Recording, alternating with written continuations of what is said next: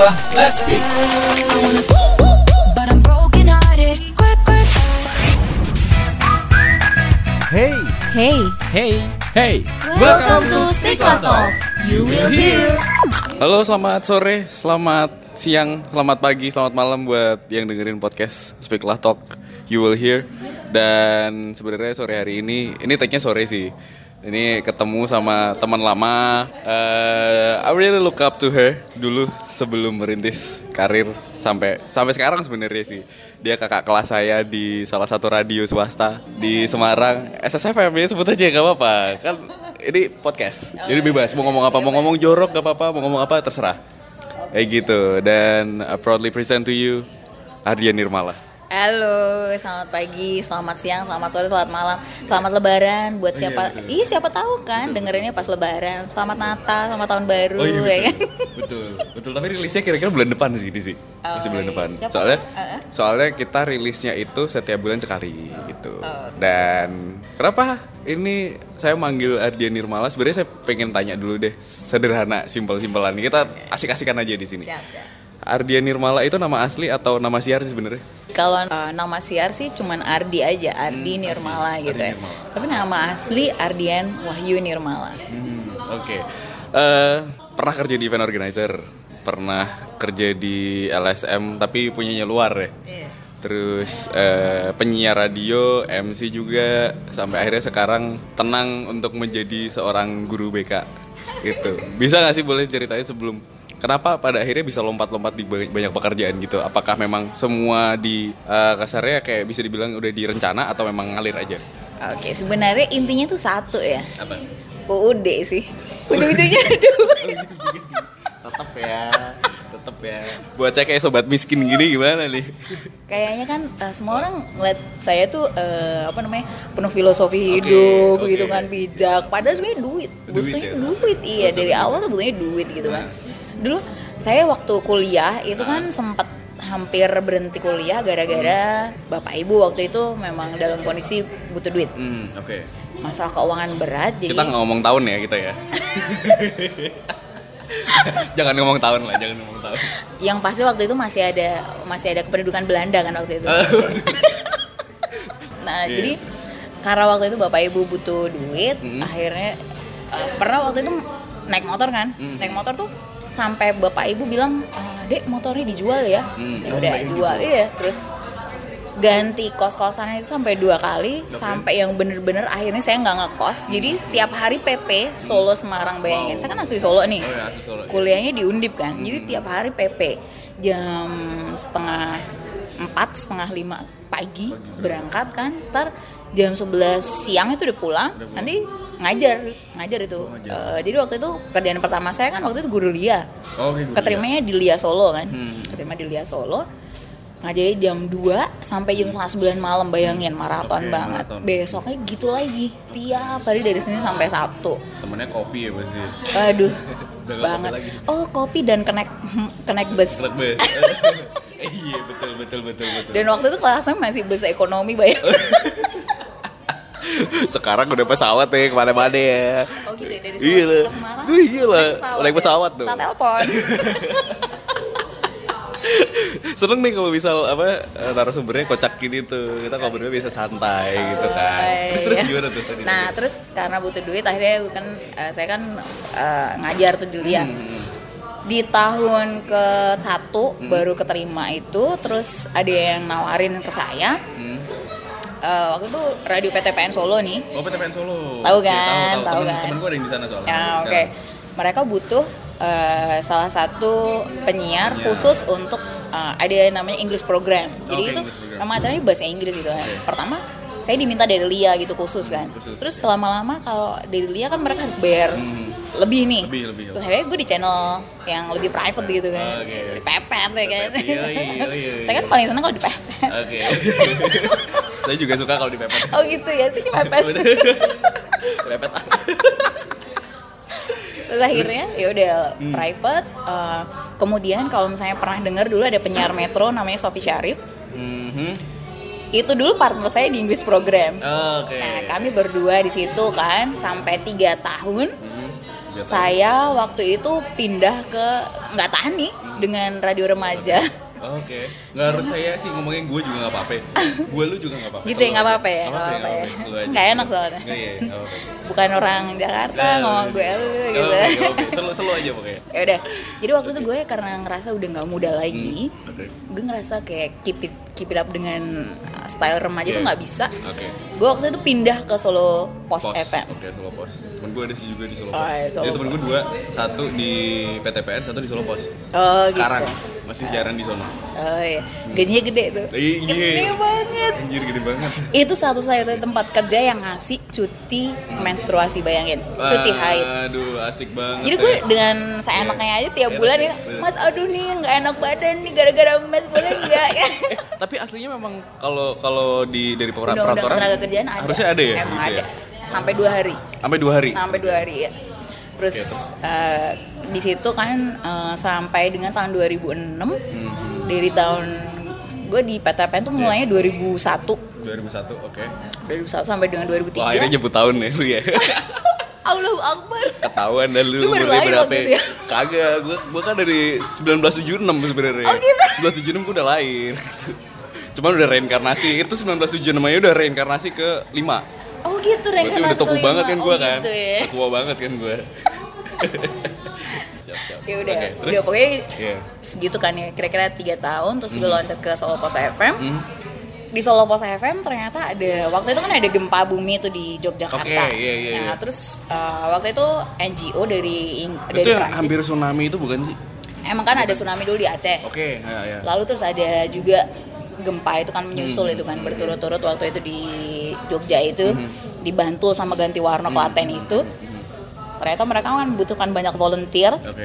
Terus dari Indonesia gue juga apply ternyata gue keterima. Lu jadi gue Iya. eh, schedule-nya gantian gitu antara kalau misalnya gue siaran pagi ya berarti gue sore di Oke, NGO kayak NGO. gitu. Terus karena kuliah kan udah selesai nih Oke. jadi alhamdulillah lah. Eh, tapi tunggu tunggu. Berarti lu domisili masih di Solo? Iya udah di Solo. Terus bolak-balik Solo Jogja berarti? Kag- eh, kalau pas lagi ini apa namanya Sama nengok pasien nengok iya pasien. Eh, eh, gitu emang kayak gitu tiap hari pokoknya eh, misalnya ke Jogja nih ya nanti malam gue siaran jam Oke. 10 sampai jam 1 pagi kayak gitu tiap hari padahal tuh kalau radio berita ya Allah ya Robi itu kan lagunya dikit Bener.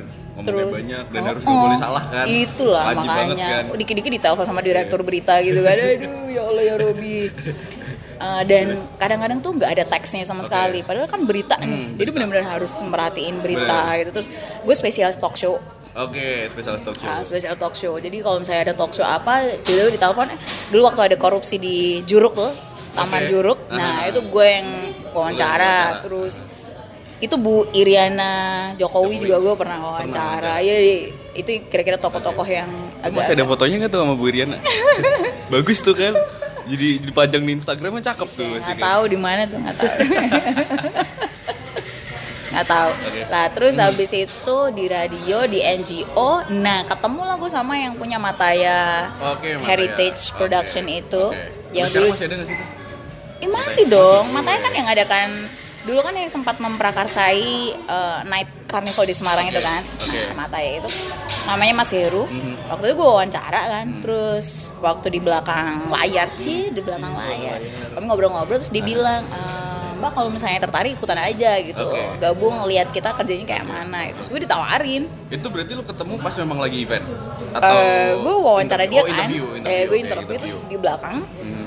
Gue tanya-tanya ternyata dia kalau ini lihat aja mbak kita Oke. kerjanya kayak mana gitu Oke. kan dia satu-satunya yang kerja sama dengan dinas pariwisata Pariwisata. kota kota Solo kan Hmm. udah terus gue dateng gue di, gue, di- gue ditawarin gitu Langsung, ya udah setahun gue di situ di IO situ kan waktu itu ngadain gue spesialis yang ada kan gue IO nya gue MC nya Hmm. Lu berarti multifungsi ya berarti situ ya. Multitasking, multifungsi, multitasking semuanya ya di situ ya. kalau multifungsi itu berasa apa gitu ya Oke. kayak panci apa apa gitu Udah mati dong berarti. ya gitu gue yang adakan acaranya namanya Jazz In Sriwedari Oh, Jason. gue nyari artisnya sendiri namanya juga IO ya Iya, bener. gue ngadain gue penanggung jawab gue nge-MC mungkin kali penontonnya gue sendiri Asli berarti lu proaktif banget ya di sono ya. Iya, gue memang nggak bisa diem gitu, Nggak bisa diem, diem, nggak nggak nggak bisa sama sekali. Jadi Oke. bener-bener yang abis subuh tuh udah langsung beraktivitas Hmm. sampai jam satu. Kadang-kadang kalau misalnya puasa tuh ya, Hmm, apalagi waktu mulai gue ditawarin ke Semarang waktu itu dari IO, sebentar dari IO itu gue di Lia kan masih nih. Hmm. Jadi waktu itu gue di LSM, di Lia juga masih, sama IO juga. Siaran juga masih waktu itu atau udah stop? Siaran masih tapi tinggal tiga jam sehari kan Oke, oke. tinggal tiga jam sehari terus yang io itu kan paling gue kalau mau Jason Strawberry kan dua minggu sekali jadi gue aktif tuh paling ya kayak seminggu cuma dua kali gitu Oke, doang kan oke. kalau di LSM kan tiap hari tapi cuma 4 jam Oke, oke. nah jadi masih bisa diatur Ah, lah ya Masih bisa, masih bisa. itu waktu itu gue sampai berpikir kalau bisa satu hari tuh mbak ya 48 jam gitu ya. Kalau bisa di extend, di extend nih iya ya. dia extend ya ampun. Heran kok cuma 24 jam? Gue juga heran waktu itu gue kok pakai energizer apa gimana ya? Bener, kayak bener, long lasting banget. Masih kuat aja gitu ya. masih. Kadang-kadang tiga hari nggak tidur loh. Asli tiga hari tidur? serius beneran. Kalau pas Demi? lagi iyalah. Kalau pas lagi Jasin mau keluar tuh kan ya Iya. itu kan kita memastikan artisnya datang semua. Dan itu kadang-kadang kalau yang artisnya agak udah yang sering keluar kota gitu Hmm. ya kita benar-benar mastiin bahwa orang itu ada di dalam kota gitu. oke, oke. terus kalau misalnya kita menampilkan penari gitu ya ya kita benar-benar yang kalau misalnya dia nggak bisa kita gantinya apa dong? Oh, iya, kan udah udah ada flyernya kan? Bener, bener, udah kita siarkan juga iklannya kan? Aha. kerjasama dengan dinas pariwisata nih kalau misalnya nggak jadi kan malu. Iya, bener, bener. gitu. Nah ya udah. Terus? Setelah itu gue capek kan? Gue mundur dari IO Oke. nih. Gue tinggal di LSM itu di HI itu sama di dia kan? Oke. Lu berarti sorry, gue potong. Lu di IO satu tahun. Kalau ditanya sebenarnya pengalaman apa sih yang paling kepake banget justru sampai sekarang nih Hmm. berkat lu dari IO gitu. Ah, kalau gue bilang sih ya gimana caranya kita mengkonek dengan orang nih ya Oke. berkonek dengan eh, berkomunikasi dengan orang ya apa ya networking kali ya Networking. networking itu dia yang paling penting Nah, itu di radio juga di HI juga sih gue Semua ya berarti. ya, iya dibilang kayak gitu itu ya. bener-bener yang keyword banget Oke. Ah, masuk nih sekarang ke Masuk. topik nih Belum, belum. Kita masih slow Oh, aja, ngobrolnya masih slow, masih slow. itu pokoknya networking itu penting banget Penting ya? nah, penting banget Terus eh, akhirnya memutuskan keluar dari IO. IO kan gue keluar karena gue capek kan Oh, terus gue tinggal di radionya juga gue tinggal nih Oke, oh, radio juga gue tinggal. tinggal juga terus waktu itu kan tinggal di HI eh di LSM, LSM. sama di Lia Ah, Hmm. sama Lia. Itu gue akhirnya terminasi juga yang di HI itu padahal gue ditawarin jadi full timer kan Oh, full timer. full timer tapi kan minimal kan 8 jam nih sehari Mhm. nah, terus cuman waktu itu gue ditawarin sama Lia Semarang Oh, di Semarang. Iya. Oh, itu berarti awal kenapa bisa di Semarang? Iya betul Oke. banget. Gue ditawarin sama Lia Semarang, di hijack istilahnya nih. Oke. Jadi antar cabang pun bisa saling menghijack nih ya kan, Lia kan. Gue ditawarin Hmm. empat kali naik gaji. Woi, Iya. siapa yang gak mau ya kan? Motivasi uang ya kan, tetep ya. Bukan apa-apa, gue kan gadis matre ya kan. gue juga cowok matre sih sebenarnya sih. Tetep matre sih gue sih. Asli. ya udah terus, Eh, terus? gue ditawarin empat kali ya udah terpaksa yang HI ini gue terminasi kan. Oke. Padahal gue udah mau dikasih kontrak 2 tahun langsung. Dua tahun, Which oke, is dua tahun. jarang banget karena Iya. biasanya kalau di NGO itu paling satu tahun kan. Oke. Dan gue udah tahun. udah ditawarin langsung 2 tahun. Gaji naik sekian sekian sekian dan itu jauh banget di atas Jauh. UMR-nya Solo. Oke. Bahkan untuk tahun ini pun itu masih tinggi banget. Masih Cuman tinggi, oke. gue kan ngelihatnya eh, teman-teman ini bule-bule semua tuh. Cuman gue berpikir kalau misalnya nanti semua proyek udah selesai, gue mau kerja apa kan gitu kan? Oke, gue iya, mikirnya. Kalau di Lia kan jelas, Jelas, oke. jelas gitu. Gue ditarik ke Lia itu naik empat kali dan langsung jadi guru tetap gitu kan. Oke. Ya udah terus akhirnya gue ke Lia, semua gue tinggal yang di Solo nih. Hmm.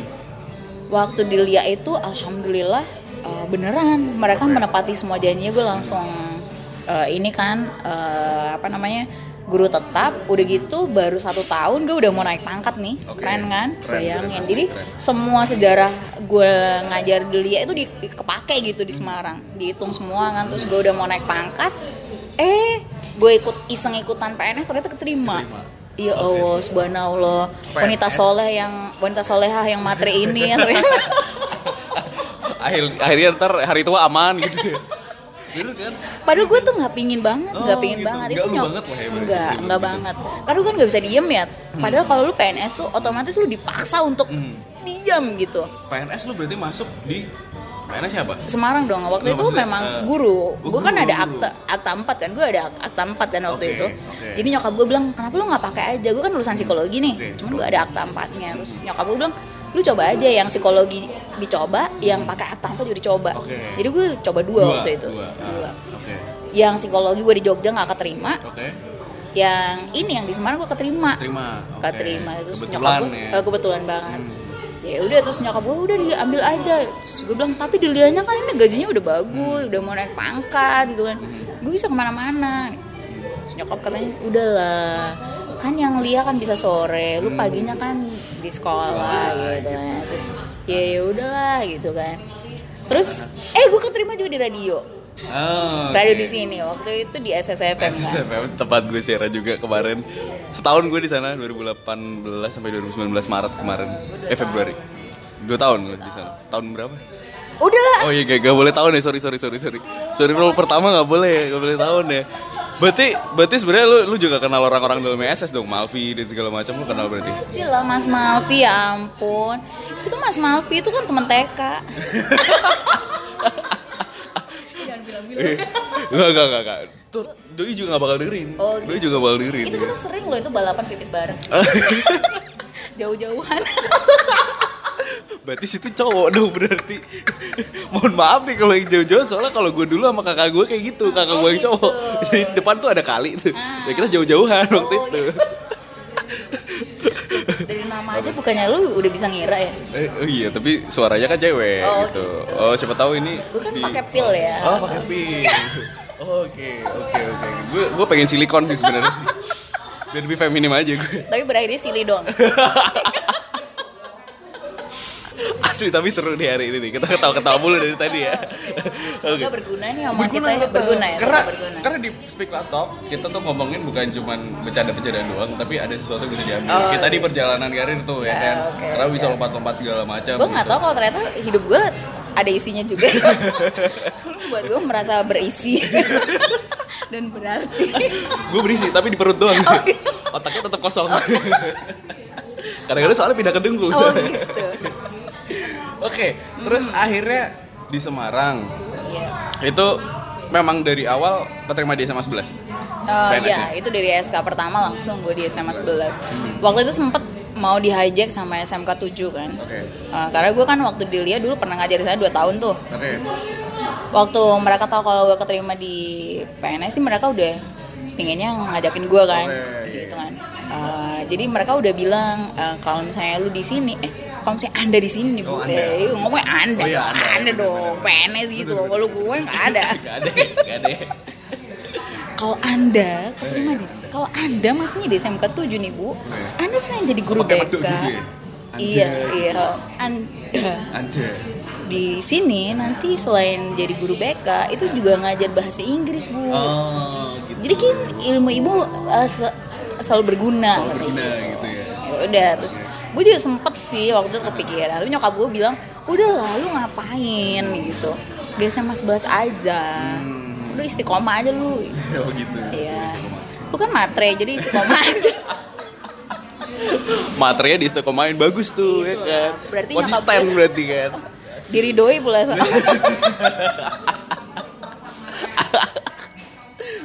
Asli menyenangkan nih. Oke, ya, Eh, terus? Terus eh, akhirnya di SMA 11. Tapi waktu lu, lu berarti sampai sekarang sebenarnya masih di Lia gak sih atau udah udah cabut? Eh, sejak PNS jadi lima hari kerja tuh gue kan mulai tahun berapa tuh tahun 2016 kalau nggak salah apa 2017 2016 kayaknya 11. Oke. itu kan sekolah SMA SMK kan dilimpahkan ke provinsi Oke. yang di bawahnya provinsi kan semuanya kan lima hari kerja begitu lima hari Oke. kerja kan sampai jam setengah empat tuh Oke. gue nggak mungkin lah dilihat lagi Oke. gue pulang aja kadang-kadang jam setengah lima kadang-kadang maghrib gitu kan ya nggak mungkin lah padahal kalau dilihat kan part time pun minimal dua kelas dua kelas berarti empat jam seminggu 4 jam seminggu ya. nggak ada waktu gue udah Tapi gede gedean mana? Jadi PNS atau Lia? Eh, kalau dulu sebelum gue sertifikasi gede di Lia banget, Gede banget. iya Sekarang? kalau sekarang jelas Jelas ya. Oke, Karena siap. kalau dilihat kan part time ya kalau full time jelas gedean di Oh sana iya, iya, jelas, jelas, jelas, jelas, jelas, oke. Tapi kalau ngomongin soal dari tadi nih kan pekerjaannya, kerjaan lu nih, kerjaan lu kan dari yang siaran, terus ngajar juga segala macam sampai pernah jadi volunteer juga. Kalau ditanya lu sebenarnya menikmati nggak sih? gue menikmati banget gue aslinya jiwa gue tuh kan bener-bener yang menari-nari gitu Ah. kan ibarat tuh nggak bisa Kita diem bian dong menari bersamaku. Eh, lu sekarang profesi jadi guru gitu. Eh, which is itu beda dengan bisa dibilang eh, pekerjaan lo yang lama. oke Lu kayak ngerasa kayak itu nggak sih? Ada sesuatu hal yang hilang dari diri lu nggak sih? Nah, oke gini. Uh, orang tuh mungkin ngelihatnya kalau PNS itu kan uh, hidupnya nggak dinamis Oke. kayak gitu ya. Sebenarnya kalau ngeliat job desk gue itu dinamis banget karena gue menghadapi remaja dan permasalahannya guru BK itu kan nggak melulu uh, ngopainin anak-anak nakal Oke, gitu kan. oke. Tapi kan kita sebenarnya dinamis gitu. Kalau job desk yang asli itu guru BK tuh kan uh, jadi membuat orang itu eh, bukan orang nih membuat siswa itu lebih mandiri gitu dalam berpikir. Jadi misalnya dia punya masalah apa ya kita tuh nggak ngasih solusi langsung. Tapi kita nunjukin nih jalannya lu ngelihat ah, lihat solusinya sendiri kan istilahnya kan kayak gitu jadi bikin mereka tuh lebih mandiri sebenarnya tuh kayak gitu job desknya dan itu tuh sangat dinamis Oke. nah. karena tiap orang dengan masalah yang sama kan pasti cara menghadapinya beda-beda Oke. nih cek gue kedengeran seperti guru BK yang oh my god Gak apa tapi gaul yang penting. Oh, gitu. Gaul ya kan. digaulin. Oke. Oke.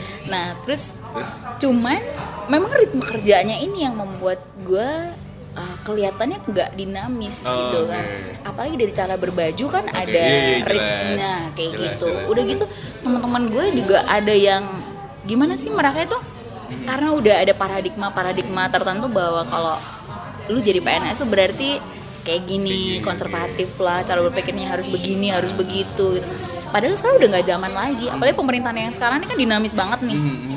Presidennya aja kayak begitu. Dia kan Dari Solo ya. iya, satu kampung halaman. Satu kampung halaman, asik. nyokapnya eh nyokapnya istrinya aja satu alumni sama gue SMA Negeri 3 Solo sih pernah interview juga ya kan. itulah Tapi makanya fotonya nggak ada, sayang banget. kayak mau ditampilin aja di sini ya nggak kan bangga cuy, kalau gue sih bangga sih. gue cari dulu Oh cari dulu ada. ya? zaman dulu kan belum model Oh iya. HP HP bener, kamera bu. Iya kan? Masih pakai itu ya dicuci dulu. Ya, kayak gitu. Kalau pakai kamera, kamera mesti dicuci dulu kan ya kan. Dicuci ya kan. Tunggu dulu. Pakai deterjen. Rusak dong berarti. Eh, itu dia terus ini nyampe mana eh itu dia jadi sebenarnya kalau job desknya tuh nggak nggak monoton jadi Oke. dinamis cuman kan anggapan orang bahwa itu tuh nggak dinamis PNS tuh nggak dinamis tuh jadinya ya gue kadang-kadang kalau mau bergerak tuh agak pikir juga gitu Oke, jadi kayak ada batasan gitu ya, Hmm. ada hal yang harus kayak bukan norma sih, gue bilang kayak eh, menghormati etika pekerjaan. gitu itulah ya. iya karena Gitu ya? Ketika kita mau ke sana mau begini mau begini gue mau nongkrong aja nih ya gue ngeliat-liat juga gitu kan kayak tadi kan Iya. Tadi kita baru ketemu gabut ketemu. nah itulah Ketemu. kan gak enak banget gue lagi pecicilan terus ternyata ada orang datang nyalamin gue cium tangan gitu kan aneh banget gitu kan gue eh kita mabok-mabok ya tiba-tiba ada yang cium tangan itu kan gak lucu banget Kelar mabok, terus balik cium tangan ya. Wah, syariah sekali. Gitu loh, sekali, makanya. sekali gitu. Nah itu dia makanya eh, ada beberapa paradigma paradigma yang gue nggak bisa tabrak gitu. Oke. Tapi alhamdulillah Hmm? kerjaan ini karena ini kan cuma lima hari kerja nih. Oke, lima hari kerja. Dan sekarang karena liburnya udah pasti, jadi gue sekarang malah bisa sekarang menjadi diri sendiri ketika libur atau misalnya ketika hari Sabtu Minggu itu gitu. Misalnya kayak traveling, gitu, gue bisa melak- melakukan hal-hal yang jadi hobi gue gitu. Dulu kan gue nggak bisa lakuin karena gue nggak ada waktu, karena gue selalu kerja gitu kan. Sekarang gue cuma punya satu pekerjaan, Oke. nerjemahin pun sekarang juga udah jarang, Jarang, ya kan. Oh, gue udah cerita belum sih kalau gue dulu pernah ikut bagian dalam menerjemahkan nawacita? Belum, belum nih cerita lagi nih. Keren kan? Keren, keren, keren. Gitu. Jadi waktu itu Pekerjaanmu banyak asli. banyak. Gue di IF juga udah pernah. Oh, aduh, kaya banget ya lu berarti ya sekarang. Lumayan. Dulu. Oh dulu. Oh dulu, dulu. Ya paling nggak tabungan masih ada lah. Kagak gue. Kagak ada. Ya Allah. Ya ya namanya matre lah ya. Matre makanya. tapi sisi lain boros sih kayak bisa gitu. Lu nggak tahu gue Apa? ngabisinnya ke mana? Ke mana? Buat daftar haji, Bo. Alhamdulillah. Gue waktu daftar haji langsung terbakar gue. Gue waktu itu udah umroh sih sebenernya. Oh, gitu. Tapi streaming. Oh, Di YouTube. kirain online. Oh, sama aja. Di YouTube. Kalau enggak biasanya gue tiap Jumat sebenarnya kalau enggak tiap subuh ke ke Mekah. ada tuh siaran TV pagi tuh nyetelin di Mekah gue mesti lihat Ikutan ya, lu Eh, ikutan, ikutan, ikutan. Lu lempar jumroh iya lempar jumroh juga.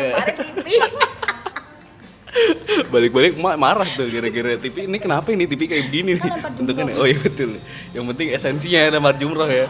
Betul betul betul betul. Ya ya, terus terus tadi gimana? Iya itu gue pernah dulu waktu masih di Lia itu eh, diperbantukan ke satu tim yang ikut menerjemahkan Nawacita. Nawacita itu adalah ibaratnya kayak visi misinya Jokowi kan dulu Oke. waktu yang periode pertama dulu itu. Ya sekarang saya nggak tahu apakah masih pakai Nawacita ya. Mhm, mhm. Kayaknya masih sih ya. gue mau nanya dulu nih dari sekian semua pekerjaan apakah lu cinta semua atau ada satu pekerjaan yang lu memang bener-bener wah ini gue banget dan gue sam- sampai sekarang kangen buat ngulangin kerjaan itu Hmm, udah pasti itu ngajar. ngajar Itu udah pasti ngajar. Gue tuh sangat menikmati eh, diri gue ketika gue di depan murid. oke. Sangat sangat menikmati. Itu nggak bakal tergantikan. Jadi Oke. kalau lu ngeliat uh, benang merahnya nih dari Oke, tahun oke. 2000 eh, 2000 sekian ya. Gue nggak pernah nyebut. Tapi 2000-an lah pokoknya. Oke, 2000-an, 2000-an. dari awal gue kerja. Apa itu namanya? Dari sejak dulu sampai sekarang tuh pasti ada satu pekerjaan yang gue nggak pernah tinggal adalah mengajar. Oh iya, entah makanya itu di Lia entah itu di mana pun gue tetap Mhm, sampai sekarang aja. Iya, bahkan ketika gue waktu keterima PNS tuh kan gue ditendang tuh dari Lia tuh, Mhm. sempet tuh, Oke. tendang dari Lia, ditendang dari radio waktu di SS Oh, tuh, di SS, oke. tendang sana tendang sini, gue tetap ngelesin. Tetap sini. Iya, dan karena gue nggak bisa nggak ketemu sama lu nggak bisa. Sama ada. Bisa dibilang berarti passion lu ngajar. Udah jelas. Ngajar, Oke, iya. lu ngajar. Eh, gue sempet sempet tahu juga waktu itu lu udah ngajar tapi lu balik lagi siaran waktu itu. 2015 atau 16 ya Iya, waktu itu ya? 16 2015, ya?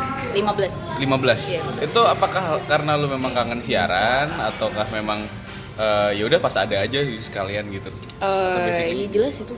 Iya lu tahu sendiri kan, ya lu kan orang Iya, radio. bagus. Gimana sih rasanya kalau udah apa tiap hari nyontong terus Oh, iya, tiba-tiba bener, nggak bener. nyontong gitu kan? Bener, bener, bener, Gimana sih? Begitu ada kesempatan kan pasti pinnya balik lagi Oh, ya iya, kan? bener, bener, Nah, iya sama aja ngajar juga sama sih. Ngajar sama siaran tuh kan sebenarnya sama, ya. Hmm. Sama, Intinya iya. tuh kita kan ngomong sama banyak orang gitu. Kita memohon orang lain untuk mendengarkan kita gitu kan. oke, oke. Bener, bener, Maksa orang lain buat dengerin kita gitu. Dan intinya kan sebenarnya sama. Kita menggunakan mulut kita Ya, agar jualan bacot lah ya gitu ya. iya lah ngebacot itu biar orang lain tuh dengerin entah mereka seneng atau enggak kita kan pinginnya mengaduk-aduk perasaan mereka dari mulut kita Oke, bener, Iya kan Tapi asli sih, maksudnya kalau dibilang gue tuh, gue juga nge-MC juga, gue ngajar juga di Speak lah gitu. Eh, yang paling kerasa adalah gue pernah jadi presenter juga di TVRI waktu oke itu. oke Dari sekian, gue gue ambil tiga deh, siaran, MC sama presenting ya. iya Gue yang paling gak bisa gue tinggal adalah siaran. Oh. Asli. Misalnya gue nggak nge-MC nih seminggu nih, ya udah nggak ada rasa apa-apa. Gue cabut dari TVRI, gue nggak ada rasa apa-apa. Tapi begitu gue nggak siaran sehari, gue rasanya kayak ada sesuatu hal yang hilang Iya, dari hidup gue. bener, iya, Kayak gitu sih. Dan Iya. mungkin itu yang lo rasain waktu lo udah nggak siaran lagi gitu. iya iya benar sama sama kayak gitu sa- sama Eh, sebenarnya hampir sama sih ngajar sama siaran ya Oke. kalau lu ngajar tuh kan audiensnya kelihatan Iya, benar. Nah, cuman kalau siaran tuh kan audiensnya ghost gitu kan. Pagi-pagi ngebacot ya kan. Sebenarnya kita ngantuk, tapi kan kita maksa orang biar bergembira, Betul. bahagia, semangat itu. bener, Kita bener. Semangat padahal sebenarnya kita balik itu. balik itu aduh mana kopi hitam, mana kopi hitam nih udah gitu pasti. kalau pagi pokoknya eh, kalau mau siaran tuh harus ngopi, indomie goreng, Oke. sama ngerokok gue. Udah wajib. pasti. Wajib ya. Gue gue pagi kalau kalau yang mesti ada adalah kopi hitam sama rokok. Udah. Sarapan gue itu doang, asli. Jadi tiap pagi tuh gue nggak makan nggak masalah. Yang Oh, penting gitu. sampai kantor bikin kopi sama ngerokok dulu. Iya Kopinya dua lagi, kopi hitam semua, dua Iya, gelas. sama sama Itu gue pasti juga sama gitu. waktu di SS dulu kayak begitu emang ya iya ya Ya gimana kehidupannya kayak gitu iya ya. itu emang udah berdampingan ya nggak bisa enggak Nah, tapi gini, yang menarik juga eh, dari pekerjaan lu sebelumnya, yang memang which is lu udah ngajar dari pertama ya, berarti pekerjaan pertama udah bisa gue bilang ngajar gitu. And then terus lu siaran, lu nge-MC nge-MC juga, itu pengaruh gak sih sama cara lu ngajar juga? ngaruh banget Hmm. ngaruh banget karena kalau kita siaran itu kan pikiran kita tuh ibaratnya terbuka gitu kan Oke. kita kan nyari sumber-sumber yang kita berpikir oh orang kayaknya nggak bakal mikir ke sana. Jadi gue mau ngajak orang berpikir kayak kita nih Oke. biar mikirnya out of the box Oke, segala macam gitu. Ya. dan itu juga sejalan dengan cara gue ngajar. Gue berpikir eh, kalau kayak guru BK itu kan gue kan nggak ngajar ya. Gue kan ngasih layanan gitu. Gue ngasih bimbingan. Gimana caranya? Misalnya gue mau ngasih informasi tentang narkoba. Oke. masa sih gue mau masukin mereka ke laboratorium narkoba Iya. gitu? Ayo mari kita praktik bikin narkoba ya nak ya Udah gitu ntar dipakai sendiri malah kan pusing kan, nar ya kan. aduh mau Iya. eh tapi balik lagi nih, balik lagi Oke. ke uh, obrolan kita tadi. Udah jelas itu tadi ngaruh banget ke cara lu ngajar gitu kan. Nah, sekarang yang gue rasain nih selama gue dulu jadi murid dan gue sekarang ngajar juga. oke Gue mencoba untuk merubah, bukan merubah sih. Karena gue ngerasa ketika gue jadi murid banyak uh, pengajar-pengajar, gue nggak bilang guru ya, cocok pengajar aja. Pengajar-pengajar yang sebenarnya kurang bisa menguasai murid gitu. Dalam artian adalah cara, let's say kita bicara public speaking gitu. mereka mater- material Ya, oriented material oriented. Nah. Sampai dulu pernah juga waktu gue SMP atau kuliah ya. Ada guru gue tuh kalau ngajar pakai flash disk. jauh ya SMP sama kuliah ya Eh, gue, gue, ingatan gue jelek soalnya. gitu. Asli SMP dong banget. SMA itu kan deket Masih ya. dekat ya. SMP atau kuliah, gue Ih, lupa. lu tua ya, terus. Jadi ke mana-mana bawa flash disk. Sampai temen gue bilang, udah lu coba ambilnya flash disknya, pasti doi nggak bisa ngajar. Kayak Ya. gitu. Sampai kayak gitu, statement-statement kayak gitu. Dan itu menurut gue harusnya jangan kayak gitu sih karena ini jadi jadi concern juga di mana biar murid-murid juga berangkat sekolah tuh juga suka gitu kan. Hmm. Kalau lu ngeliat itu gimana sih?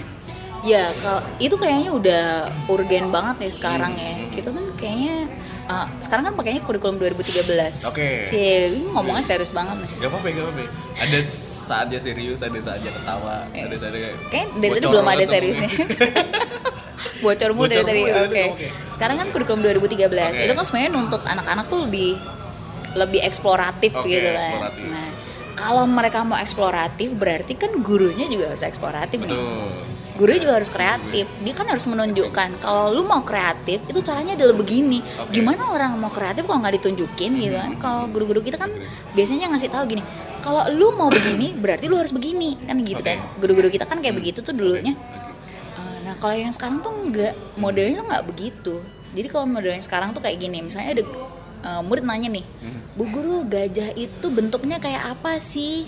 Nah tugasnya guru adalah nanya balik. Kalau menurut kamu seperti apa? Oh, oke. Pernah dengar kata gajah dari mana kamu? Oke. Nah kayak Oke, gitu. oke. Kalau menurut saya gajah itu seperti sapi. Oh, kenapa kamu bisa bilang kalau itu seperti sapi? Oke. Nah kita nggak boleh langsung gajah itu yang belalainya panjang deh. Belepaknya kayak mana? Yang 5 cm lagi udah nyentuh tanah ya. Iya Iya, gitu. 5 cm lagi nyentuh tanah. Hah? 5 cm lagi udah nyentuh tanah. Nggak, lu ngomong gitu kok gue pikirannya jorok ya? berarti lu tahu materinya berarti. gue bilang gitu. Berarti kalau lu tahu berarti lu tahu materinya Kita sebenarnya. bisa nggak balik ke kurikulum 2000? Oh iya, oke balik lagi, balik lagi, balik lagi, balik lagi. Oke, siap, siap, siap deh. Gue mikirnya jadi yang iya iya soalnya. Gak apa-apa udah malam gue nih. Oh, gitu. Perbincangan malam kan bisa kayak gini kan. Paling dengerin pagi. Oh iya. Gak apa-apa, berarti kan suasana dia dari pagi, tapi kita ngerasain kan malam. Oh, gitu, Ya, biar mereka tambah semangat gitu Iya. ya, baik. Walaupun pagi tapi suasananya malam. Eh, Siap. Asik. Yuk, mari kita bikin tambah semangat. nah, contohnya Oke, kayak ah. tadi. Jadi guru tuh sebenarnya tidak tidak boleh seperti dulu lagi. Mhm. Kalau dulu kan eh, Bu kalau misalnya 3 tambah 3 jawabannya apa, Bu? Kalau dulu kan jawabannya coba kita lihat di buku. Mhm. Oke, Nah, nggak boleh kayak gitu. Gak boleh ya. Dia harus tahu dulu eh, tiga d- tambah tiga misalnya. Kalau matematika kan sebenarnya sama semua ya jawabannya Oke. selalu sama. Cuman ya tetap ini kalau menurut yang gue pelajarin nih ya. Tiga tambah tiga menurut dia harus ngelemparin dulu pertanyaan. Ayo ada yang tahu jawabannya? Oh, Enam oke. bu. Oke yang lain punya jawaban yang beda. Sembilan bu. Oke coba kita lihat yuk tiga. Jadimu tiga mana? Yang ini tiga. Ayo kita hitung bareng satu. Nah baru gitu. Oke. Jadi mereka nanti yang hitung sendiri. Proaktif ya, jadi Iya. ya, gitu, proaktif. Tapi kalau misal ditanya, apakah basic psikologi lu nih itu berpengaruh juga Basic cara apa? psikologi? Eh, Oke. Itu ngaruh juga gak sih ke cara lu ngajar sekarang? Eh, sebenarnya kalau psikologi basic basic psikologi itu gue terapin ketika gue konseling perseorangan Oh, oke. Ya, Lebih ke perseorangan, personal lebih ke ya? perseorangan ya Oke. personal gitu kan tapi kalau di kelas eh, gue alhamdulillah karena gue lama di radio dan gue lama di LIA Oke. di LIA itu jadi mereka sebenarnya apa yang diberlakukan di kurikulum di 2013 mereka udah ngelakukan itu dari sejak tahun 90-an Oh. jadi LIA itu udah advance banget Oke. Jadi kecil Visioner. banget uh visioner ya ngomongnya harus gitu Oh, iya, loh alright, ngomongnya harus visioner. Visioner. jadi kalau di Leo udah kayak begitu terus banyak Oke. games-games kan dan yang ternyata itu bisa gue adaptasi gitu ke cara gue ngasih layanan di kelas juga bisa gitu Mhm. Kalau ditanya sekarang seberapa penting sih public speaking buat para pengajar? Nah itu dia penting banget. Kalau guru-guru kan biasanya mereka taunya ada materi, ada Oke. murid, gue jalan kan gitu Oke. kan. Mereka tuh nggak tahu, eh, mereka nggak nanyakan dulu ke anaknya, mereka butuhnya apa. Dia nggak nggak nganalisis dulu. Oh anak gue butuhnya ini, berarti jalan yang harus gue tempuh adalah seperti ini. Gamesnya adalah ini. Gimana sih kalau misalnya mereka ngantuk apa yang harus gue lakuin? Nah mereka tuh nggak nggak menyiapkan diri untuk itu gitu loh nggak antisipasi itu kalau gue masuk kelas ya gue memastikan bahwa semua anak matanya ke gue gitu kalau misalnya mereka matanya merem ya udah kalau memang yang mungkin capek, gitu kan Capek, ya udah tidur. Oke. kalau misalnya masih antusias ayo. Yang antusias ayo. Oke. kan, kayak gitu. Itu yang gue piara gitu. Kalau misalnya mau tidur ya udah nggak apa-apa. Hmm. kalau misalnya dia ternyata di tengah-tengah terbangun alhamdulillah ayo ikut. Atau gue juga introspeksi oh mungkin tidurnya karena gue membosankan. Oke. gue introspeksi lagi evaluasi lagi apa sih? Gitu. Ntar di akhir waktu pembelajaran gue tanya tadi kira-kira apa yang udah lu pelajarin? Kayak gitu kalau gue gitu. Oke. lu udah pelajarin apa? Gue ngulangin lagi gitu. Oh oke. Oke gue memastikan bahwa mereka emang merhatiin gitu kan. Merhatiin terus apa yang gue kasih tahu ke mereka tuh berguna gitu. Oke, oke, oke. jadi hari ini kita sudah belajar tentang apa? Kita udah belajar banyak sih gitu kan. belajar tentang hatiku Bagaimana caranya biar apa meracik tadi itu kita juga belajar loh iya meracik benar. gitu kan. Meracik. belalai tadi. belalai ya kan. Yang 5 cm lagi udah nyentuh tanah. udah Oke, eh, berarti penting banget gitu kan public speaking buat para guru-guru gitu. Kalau dilihat sama realitanya sekarang masih jauh dong, jelas jauh itu. banget Jauh banget. gue tadi udah bilang mereka tuh lebih material oriented Material, material oriented. mereka mikirin silabusnya kayak mana, materi kayak mana, ngeliatnya begini-begini doang. Terus yang penting anak tuh tahu udah kayak ngejar target aja gitu. Mereka lupa bahwa anak-anak tuh harus ngerasa fun dulu gitu kan. Kalau murid ngerasa fun di sekolah, mereka kan pasti Bener. pengennya besok masuk lagi. Oh iya, Eh, si ibu mau datang lagi gitu. Bener. Ini gue terapin di Ayo. speak lah sama Fadel juga. Say hello Fadel. Ya, Itu apa-apaan tuh? Ya. Iya. Jadi ini yang kita terapin juga di konsep speak lah adalah lo belajar apa yang lo mau gitu. Kita basicnya ada public speaking course gitu kan. Home training tentang public speaking di situ lo bisa belajar tentang public speaking, MC, moderator, tentang siaran radio, broadcasting segala macam. Nah di situ konsepnya adalah lo belajar yang lo mau, apa yang lo suka. Kita bakal misalnya nih ada satu sekolah gitu, kayak let's say di kemarin di eh, SMK 1 gitu. Oke. SMK 1 mereka bilang kita pengen broadcasting. Oke lu belajar yang lu suka tentang broadcasting. Oke karena apa? Basicnya karena mereka- ketika mereka suka ya mereka bakal merhatiin Ya, mereka gitu. bakal antusias, itu udah Antusias, pasti. itu tugasnya seorang pengajar nih Mhm. nggak cuma guru nih. Tugasnya pengajar adalah menciptakan kebutuhan itu. Betul.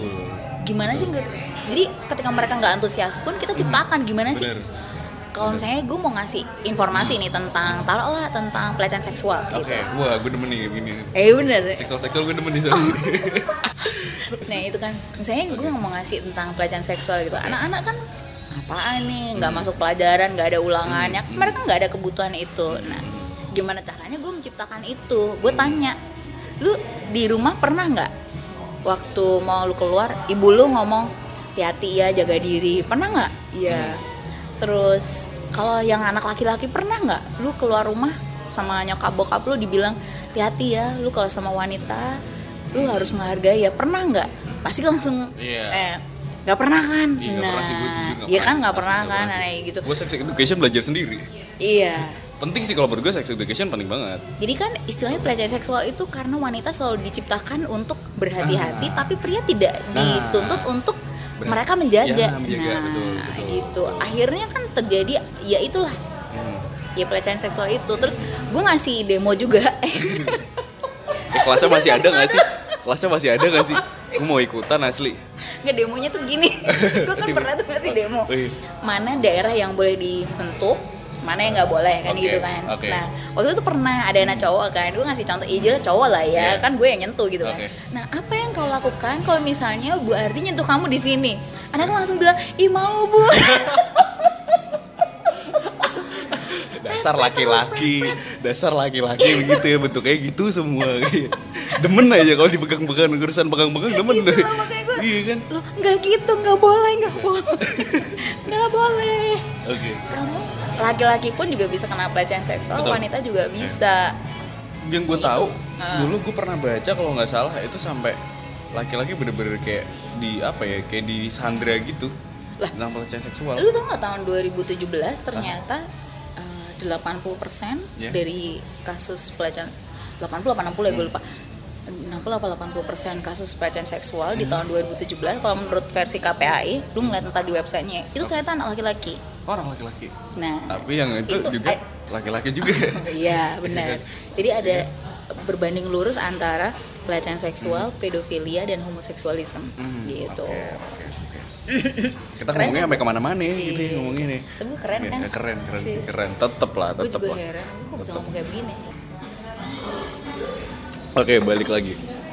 Dari misalnya itu kan. Jadi sebenarnya anak-anak tuh juga langsung tahu bahwa oh ternyata guru BK itu ternyata nggak cuma ngasih hukuman doang. Padahal itu udah udah paradigma lama banget gitu. Kalau ketemu guru BP takut sepatu ya, dulu kan gitu rambut waktu gitu zaman-zaman dulu itu kalau gue jalan nih ya 10 meter gitu anak-anak udah langsung melipir gitu kan. Gue sempet benci banget. Kalau dilihat beda banget. Gue lewat gitu anak-anak bilang misari misari Iya, gitu kan. Wah pada caper gitu. Begitu gue di sekolah ya ampun anak langsung udah udah udah udah takut ya? Gitu. Nah Oke. sekarang alhamdulillah udah beda lagi zamannya. Sekarang gue lewat anak-anak bari bari ya udah Oh, udah oke. udah mereka udah tahu oh guru BK tuh udah nggak kayak dulu lagi. Gitu Eh, setahu gue tuh gini. Gue pernah tahu kalau misal guru-guru itu setiap dua tahun atau tiga atau empat tahun gue lupa itu memang mereka kayak upgrade gitu dari dinas. Itu ada nggak sih saya ingat gue sih ada sih saya ingat gue kalau dulu kan kompetensi kalau nggak salah Iya, dulu kan ada namanya uji kompetensi. Oke. Gue nggak tahu kenapa di zamannya Pak Jokowi ini terakhir kali itu tahun 2017 kalau nggak salah.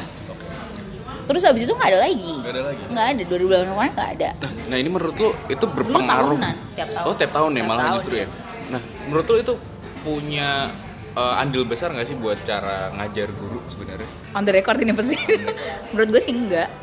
Menurut gue enggak. Mau saya kalau misal mau dipotong ntar nggak apa-apa gue potong. nggak nggak apa-apa itu oke kalau menurut gue sih nggak terlalu karena pada akhirnya yang ngasih pengajaran pun juga ya kalau dulu gue terakhir kali dapat tuh tahun 2012 bukan UKG ya bukan uji kompetensi tapi kayak eh, khusus untuk guru-guru BK gitu kan jadi kayak ya apa ya peningkatan kompetensi apa namanya pokoknya waktu itu gue dilatih untuk menjadi instruktur nasional. Oke, nah itu memang gamesnya banyak banget. Oke. gamesnya banyak banget. Sebenarnya kalau itu diberlakukan semua sih bagus gitu kan.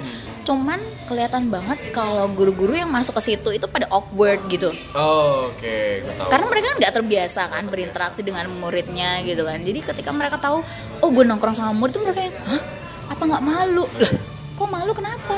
Kan malah seneng kan kalau misalnya murid tiba-tiba nelpon bu ngopi yuk. Gitu kan malah seneng kan? Asik kan? Gitu kan? kalau gue sih bahagia gitu. Gue dianggap sebagai guru yang menyenangkan gitu kan. apalagi eh, reward yang lebih besar daripada ketika murid itu sayang sama lu gitu. Iya benar. benar. not sexually ya. Lu pikirannya oh gitu gitu seksual maksudnya tuh saya dan gurunya gitu Eh, nggak Lu sayang ngopi gurunya yuk dong. gitu ah. Gue sayang sebagai temen kan. oh gitu oke siap lu kayaknya dari tadi menuntut untuk dilecehkan nih Berarti kalau bisa dibilang gini, nih eh, formula ngajar itu balik lagi ke person dari setiap pengajarnya dong. Kayak itu gitu. bi- bisa dilatih sih tapi kalau gue bilang gue dulu nggak kayak gini gue aslinya kan introvert banget Oh. gue tuh iya. pemalu dan introvert Oke. cuman ketika waktu di Lia itu gue kayak diinstal ulang Hmm. emang Eh, dari awal tuh pertamanya dari kontak mata dulu kalau nggak ada kontak mata otomatis langsung nggak keterima guru Lia terus habis itu tiga bulan kita digodok kan cara ngomong gimana Oke. biar suara audible gimana gitu kan terus kalau misalnya dibiasakan kalau misalnya anak-anak takut bertanya kita mundur satu langkah gitu kan jadi anak-anak nanti yang maju Oke. gitu Terus gimana caranya agar kelas itu menyenangkan dulu? Nggak materi itu nggak penting sebenarnya itu environmentnya dulu penciptaan environment biar menyenangkan. Terus kemudian mereka ada trust di antara Oke. pengajar dan murid itu kan. Kalau udah kebentuk rapport atau hubungan kayak begini, pasti kita mau ngasih apa aja tuh mereka pasti dengerin. Udah itu udah bisa dijamin, udah gue jamin tuh. gue gue pernah sih juga sih ini mungkin sedikit cerita juga gue pernah jadi pembicara gitu Eh, di salah satu kampus di Semarang Hmm. Oke. Polines waktu itu Oke, oke. gue ngomongin soal public speaking gitu Oke. gue gue datang waktu itu dengan materi yang memang gue formulanya gue ringkas-ringkas mungkin dengan seasik mungkin. Dan gue di situ Hmm. Oke. banyak banget interaksi dan hasilnya memang mereka proaktif banget sih. Benar benar. Apalagi kalau misalnya lu bentuk kelompok-kelompok kecil gitu Iya. kan. Nah Iya. mereka terus lu nggak banyak ngomong mereka yang lebih banyak ngomong itu mereka pasti mengira lu adalah pembicara yang baik. Padahal sebenarnya mereka yang ngomong. Iya bener bener Iya nggak sih? Bener, gitu. bener, bener. karena sebenarnya orang itu intinya mereka lebih senang didengar daripada mendengarkan. Hmm oke I get it now. Jadi eh, makanya ketika kita ini kalau di audiens yang live ya gue nggak ngomong radio. Kalau di radio Oke. kalau kita nggak ngomong ya. Gimana ya? Iya kan? bener bener bener. Bener. gue makanya ngomongnya eh, public speaking itu secara langsung itu ketika ada audiens itu memang mereka lebih mereka akan lebih lively mereka akan lebih menganggap kita pembicara yang baik kalau mereka tuh lebih banyak ngomong sebenarnya. Oke I see I see. Makanya ketika gue masuk ke kelas pertama kali yang gue tanyakan adalah oke kamu kabarmu hari ini gimana Oke. siapa yang happy siapa yang sedih Saya hari gitu. ini oh gitu Siap. kelihatan ya minta dilecehin ya. balik lagi kita ngomong kayak gitu kayak gitu Oke. Eh, nah, sekarang lu sebagai dari kacamata lu sebagai pengajar ya gitu ya. Hmm. Kalau lu ngelihat sebenarnya public speaking ini seberapa penting sih buat anak-anak sekarang? Eh, terus terang ya dari skala 1 sampai 100 ya kira-kira 200 ribu lah berarti udah over banget deh. Satu sampai seratus itu dua ratus ribu, berarti overnya udah berkali-kali lipat tuh, mohon maaf deh. gini ya gue akan bedakan antara public speaking dan personal speaking Oh, personal speaking. Oke, gue tuh nggak punya banyak teman. Gue Oke. kalau temen yang casual tuh banyak. Cuman kalau yang bener-bener deket dari SMP sampai sekarang paling cuma segelintir dua gelintir. Oke. SMA juga begitu, kuliah juga begitu. Kalau lu mungkin kan banyak banget. Nah, cuman ada orang yang lu tau Hitler dong. Tahu. Nah, Hitler. Kita kasih contoh Hitler lah. Oke. Hitler itu dia kan pendengar, dia public speaker yang eh, luar sih, biasa lah ya. sih, iya. Luar biasa. Dia kan sampai dia membunuh orang aja masih banyak yang dengerin gitu kan. Bahkan sampai sekarang aja dia mungkin dia masih punya secret admirer banyak gitu. benar, benar. Cuman ketika dia mati siapa sih yang tahu kuburannya di mana? Iya, benar. Siapa coba yang mourning buat dia? Benar, benar, benar. Bahkan matinya itu minum racun kan waktu itu Nah, kan. itu Gua kan punya katanya. bukunya soalnya. Gue punya bukunya soalnya sebenarnya. Tapi kan masih simpang siur Iya, apakah benar itu beneran dia yang minum racun apa enggak? Soalnya waktu itu gue sempet denger juga meninggalnya di Indonesia. Itulah. Ya, iya kan? Itu makanya. Iya kan? makanya karena saking dia tuh sebenarnya mungkin nggak punya sahabat yang benar jadi mungkin dia personal speakingnya nggak bagus, tapi public speakingnya luar biasa nah gue tuh termasuk yang personal gue jujur nih ya personal speaking gue nggak terlalu bagus gue tuh anaknya agak bad moodan kadang-kadang kalau lagi bad mood tapi gue kalau ngeliat orang-orang yang minta dilecehin gitu mood gue langsung bagus banget Oh, ah. bagus tuh, bagus. Oke. Nah, eh, apa tuh personal personal sama public speaking tadi beda banget. Kalau public speaking itu memang lebih gimana caranya kita membaca apa yang dimaui audiens kan Oke. gitu. Ada orang yang memang sudah punya talent kayak begitu. Jadi mereka nggak usah berusaha pun ya kayak Presiden Soekarno juga kan. Iya, dia kan bener. tanpa berusaha pun dia udah ketika dia ngomong di depan mimbar orang udah langsung dengerin Iya, dia kayak Bapak Jokowi. Bapak Jokowi itu kalau menurut saya bukan public speaker yang baik. Ketika dia ngomong di depan publik, dia kan cuma "Eh, eh, eh, eh." tapi dia adalah personal speaker, makanya dia punya eh, istilahnya kecebong-kecebong eh, cebong-cebong yang hebat yang ya. eh, eh, itu yang berani mati buat dia gitu kan. Cuman kalau di depan panggung dia ya ya udah cuman Bener. gitu doang. Bener-bener. Tapi gini, gue kalau ngomongin soal presiden di dunia, Hmm. salah satu yang sebenarnya gue look up dari cara public speakingnya ada Donald Trump. Oh Donald Trump. Asli dia bagus sih secara Hmm, public meskipun dia speaking. nggak pakai otak ya. Iya, Oke, ya gitu lah. terus, Tapi nah. yang penting public speakingnya bagus. Iya, dia. benar-benar. Dia kayak ya nggak bawa teks dan ya udah kayak ngobrol biasa. Dan Iya. menurut gue interaksi yang dibangun itu yang keren sih dari seorang public speaker. Ya memang public speaking itu memang gimana cara orang secara natural terdengar dan terlihat cerdas, ya kan? Makanya kan kalau misalnya lu nggak terdengar cerdas dan lu nggak terdengar eh dan lu nggak terlihat pintar, KISS itu kan, keep it short and simple itu kan, nggak keep it short and smart tapi keep it, keep it short and simple. gitu. Kalau menurut gue public speaking itu ya gimana cara lu terdengar keren kayak gitu. Nah, eh, lebih penting mana di antara dua ini personal speaking atau public speaking? Buat murid nih, buat murid nih, gue ngomongnya murid ya, karena di sini profesi lu sebagai guru gitu kan, gue angkat. Kalau kebutuhan market saat ini jelas public speaking Public jauh lebih speaking. penting ya, karena Oke. itu berhubungan dengan cara lu ntar ngedapetin pekerjaan dan sebagainya. Gue dari seluruh pekerjaan yang gue tadi udah ceritain ya, gue lolos semua wawancara loh. Gue belum pernah satu kali pun gagal wawancara bayangin. Gue pernah gagal tes, gue pernah gagal lamaran kerja, tapi gue belum pernah gagal yang namanya wawancara kerja. Berarti public speaking gue kan lumayan. Sebenarnya gue udah ada talent itu gitu. Dan eh, cuman kalau ke personal, orang ketika ngeliat gue personal ya, oh enaknya ternyata moody, enaknya Oh, begini kayak gitu beda beda lagi gitu. Nah kalau sekarang murid-murid gue itu harus tahu bahwa public speaking itu penting banget. Makanya kurikulum 2013 itu mementingkan mereka untuk pintar berpresentasi. Oke, I see. Salah satunya nih gitu, Oke. eksploratif, kreatif, ya kan, berkolaborasi dengan orang lain dan berkomunikasi. Itu ada empat empatnya itu di kurikulum 2013. Gila gue cerdas banget sih. cerdas tuh public speaker ya kan? Ya kan? Nggak- gimana caranya tadi biar kelihatan pinter kan? Keep it shortly. Keep it short kan? Kepekan gue dong. eh tapi gini tapi lu lu punya ngerasa kayak punya tanggung jawab gak sih bawain si murid-murid lu nih biar tahu soal public speaking? Atau mungkin lu punya for, uh, formula sendiri nih buat nanamin public speaking ke anak-anak murid lu? Udah pasti ya gue iya gue bener-bener itu malah bukan ngerasa tanggung jawab lagi itu udah gue kebeban banget. Karena beban, yang iya karena yang gue ngeliat anak-anak zaman sekarang tuh kan jauh lebih mereka self absorb apa sih ya mereka lebih tertarik dengan gadget kan. Oke, gadget. otomatis mereka ketika mau public speaking itu ya gitulah orang mereka eye contact aja susah. Nah. Nah padahal penting banget ya kontak penting banget. Eye contact itu pokoknya pasti dari awal eye contact. Kalau kita udah ngeliat eye contact udah ada eye contact kita ngeliat oh audiens gue ada yang ngantuk. Oh audiens kita tanya aja ayo siapa yang ngantuk hari ini? Sama dong gitu. kalau misalnya kalian ngantuk enaknya ngapain kalau siang-siang kayak begini? Nah dari situ kan kita bisa sebenarnya oke. eh, apa namanya membangun report itu gue eh, bolak-balik sih. Sama murid gue gue paksa kayak begitu.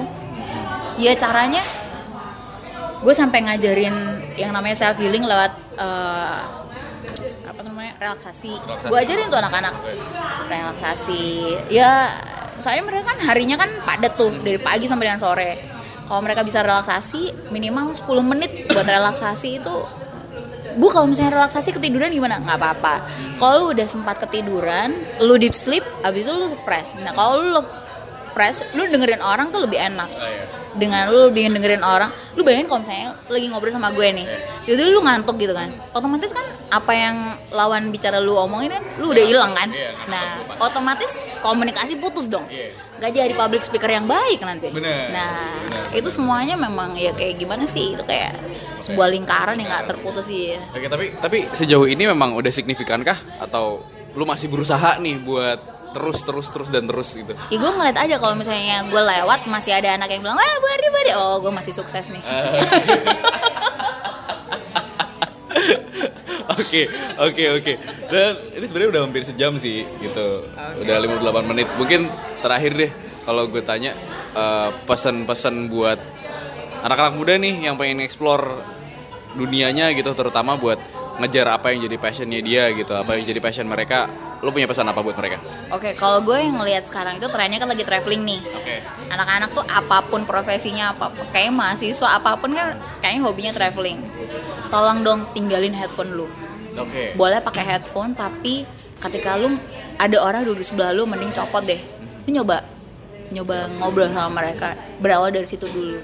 Insya Allah semuanya bakal lebih ringan nanti. Personal speaking berarti dari personal speaking nanti itu bisa berkembang jadi public speaking, speaking. trust me Wih. kan soalnya kalau sama stranger kan kita nggak bakal yang eh, ngulik-kuliknya sampai dalam bener, kan bener, bener, gitu bener. kulit luar doang biasanya Iya. kalau udah ada maunya ntar baru tuh Nah, lebih dalam itu. tuh gitu public speaking kan sebenarnya kan dari making network kan nah intinya kan itu gitu oh iya sebenarnya ada yang lupa sih gue tanyain oh, iya.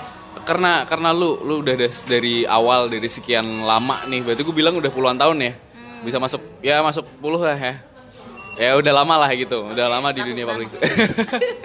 kayak buffer dong ratusan gitu. Eh, lu pernah ngerasa gak sih waktu di titik awal lu berkarir di dunia public speaking gitu ya? Lu bergelut di dunia public speaking lu sebagai public speaker pernah ngerasa kayak nervous gitu gak sih? nervous di awal pastilah pasti.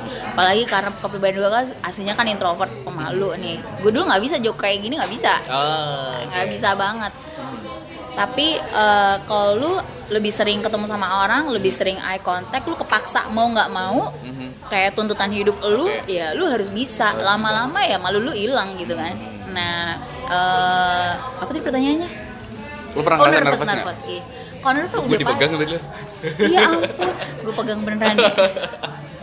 Ya, oke. Akhirnya sukses ya. Sukses, akhirnya masuk ya. Nah, seneng banget dia.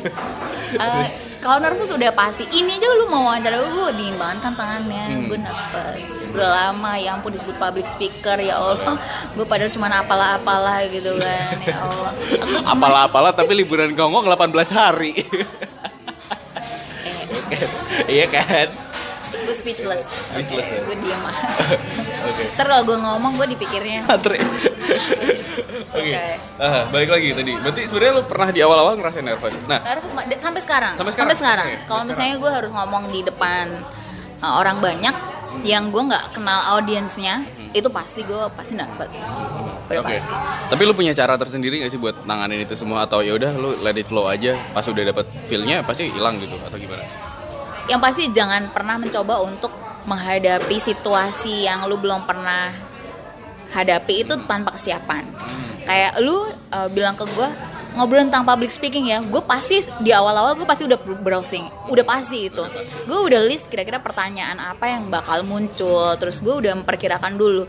Lu prediksi dulu kira-kira masalah apa yang bakal muncul, apa yang bakal lu hadapi, orang yang lu ajak ngobrol mau apa gitu kan, mau dilecehin apa enggak, lu nya juga mau dilecehin apa enggak gitu kan, apakah lu akan saling melecehkan. Oh, Kok sih. kok, kok gue nggak berhenti ya? Ini tadi muter-muternya di situ aja ya. Astagfirullahaladzim. Astagfirullahaladzim. Udah Ayo kita lakuin soalnya. lagi. Tuman. Terus Gitu. eh, eh, itu dia. Kalau gue sih itu kesiapan sih. Persiapan ya, jelas ya. Ini mungkin gue sedikit cerita. Eh, ada satu kata-kata dari lu yang sebenarnya itu bekas banget di gue dan bahkan itu eh, ngebentuk gue sekarang. Gue jujur nih, gue akhirnya jujur. Gue waktu itu pernah lu hire jadi MC Oke. di salah satu SMA waktu itu. Zaman dulu tuh ya kan. Terus waktu itu gue bikin kesalahan adalah games, eh, games atau bagi voucher ya waktu itu. Harusnya voucher dulu baru istirahat, tapi gue istirahatin dulu baru bagi voucher. Lalu gue inget momen di mana lu nunjuk gue lu bilang master ceremony lah ya, master of ceremony lah ya gitu. Itu yang bener-bener ngebekas di gue dan akhirnya gue gue sadar bahwa oh ini tugas master of ceremony itu seperti ini. Dan akhirnya bisa ngebawa gue sampai ke mana-mana sekarang. Itu jujur sih gue sih. Alhamdulillah. gitu sih. Oke. keren sih asli asli Iya. keren Iya. Thank you ya. Iya. Langsung ngerasa penting banget. Ntar dulu itu masuknya dari situ, ntar abis ini ada punchline-nya Ada gongnya nih abis ini nih Eh, apa dong? Apa dong? Gak usah deh, gak usah Oh, Nanti iya, iya. out of the record aja, off the record Oh iya, iya, udah. Kalau mungkin terakhir deh, eh, tadi pesan pesan udah eh, kalau tiga kata yang menurut lo harus di harus dipunyain sama anak muda sekarang buat ngejar impiannya apa? Tiga kata aja. Tiga kata. Hmm, kreativitas, Kreativitas, komunikasi, komunikasi, eh, kayaknya konsistensi. ya. Konsistensi, Iya, oke. tiga itu. Kreativitas, komunikasi, konsistensi. Iya. Oke, itu dia tadi obrolan kita yang udah sejam lebih barengan sama Ardi Nirmala, Eke Ardia Nirmala, Eke Guru BK Gaul, dan Eke apalagi banyak Eke Eke nya nih pasti ini. Oke, thank you banget udah mau ngobrol-ngobrol di Speak Lah Talks.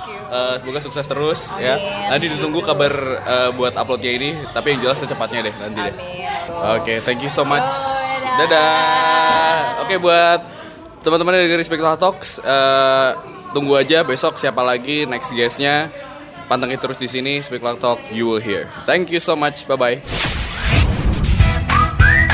Thank you for listening, Speak Talk.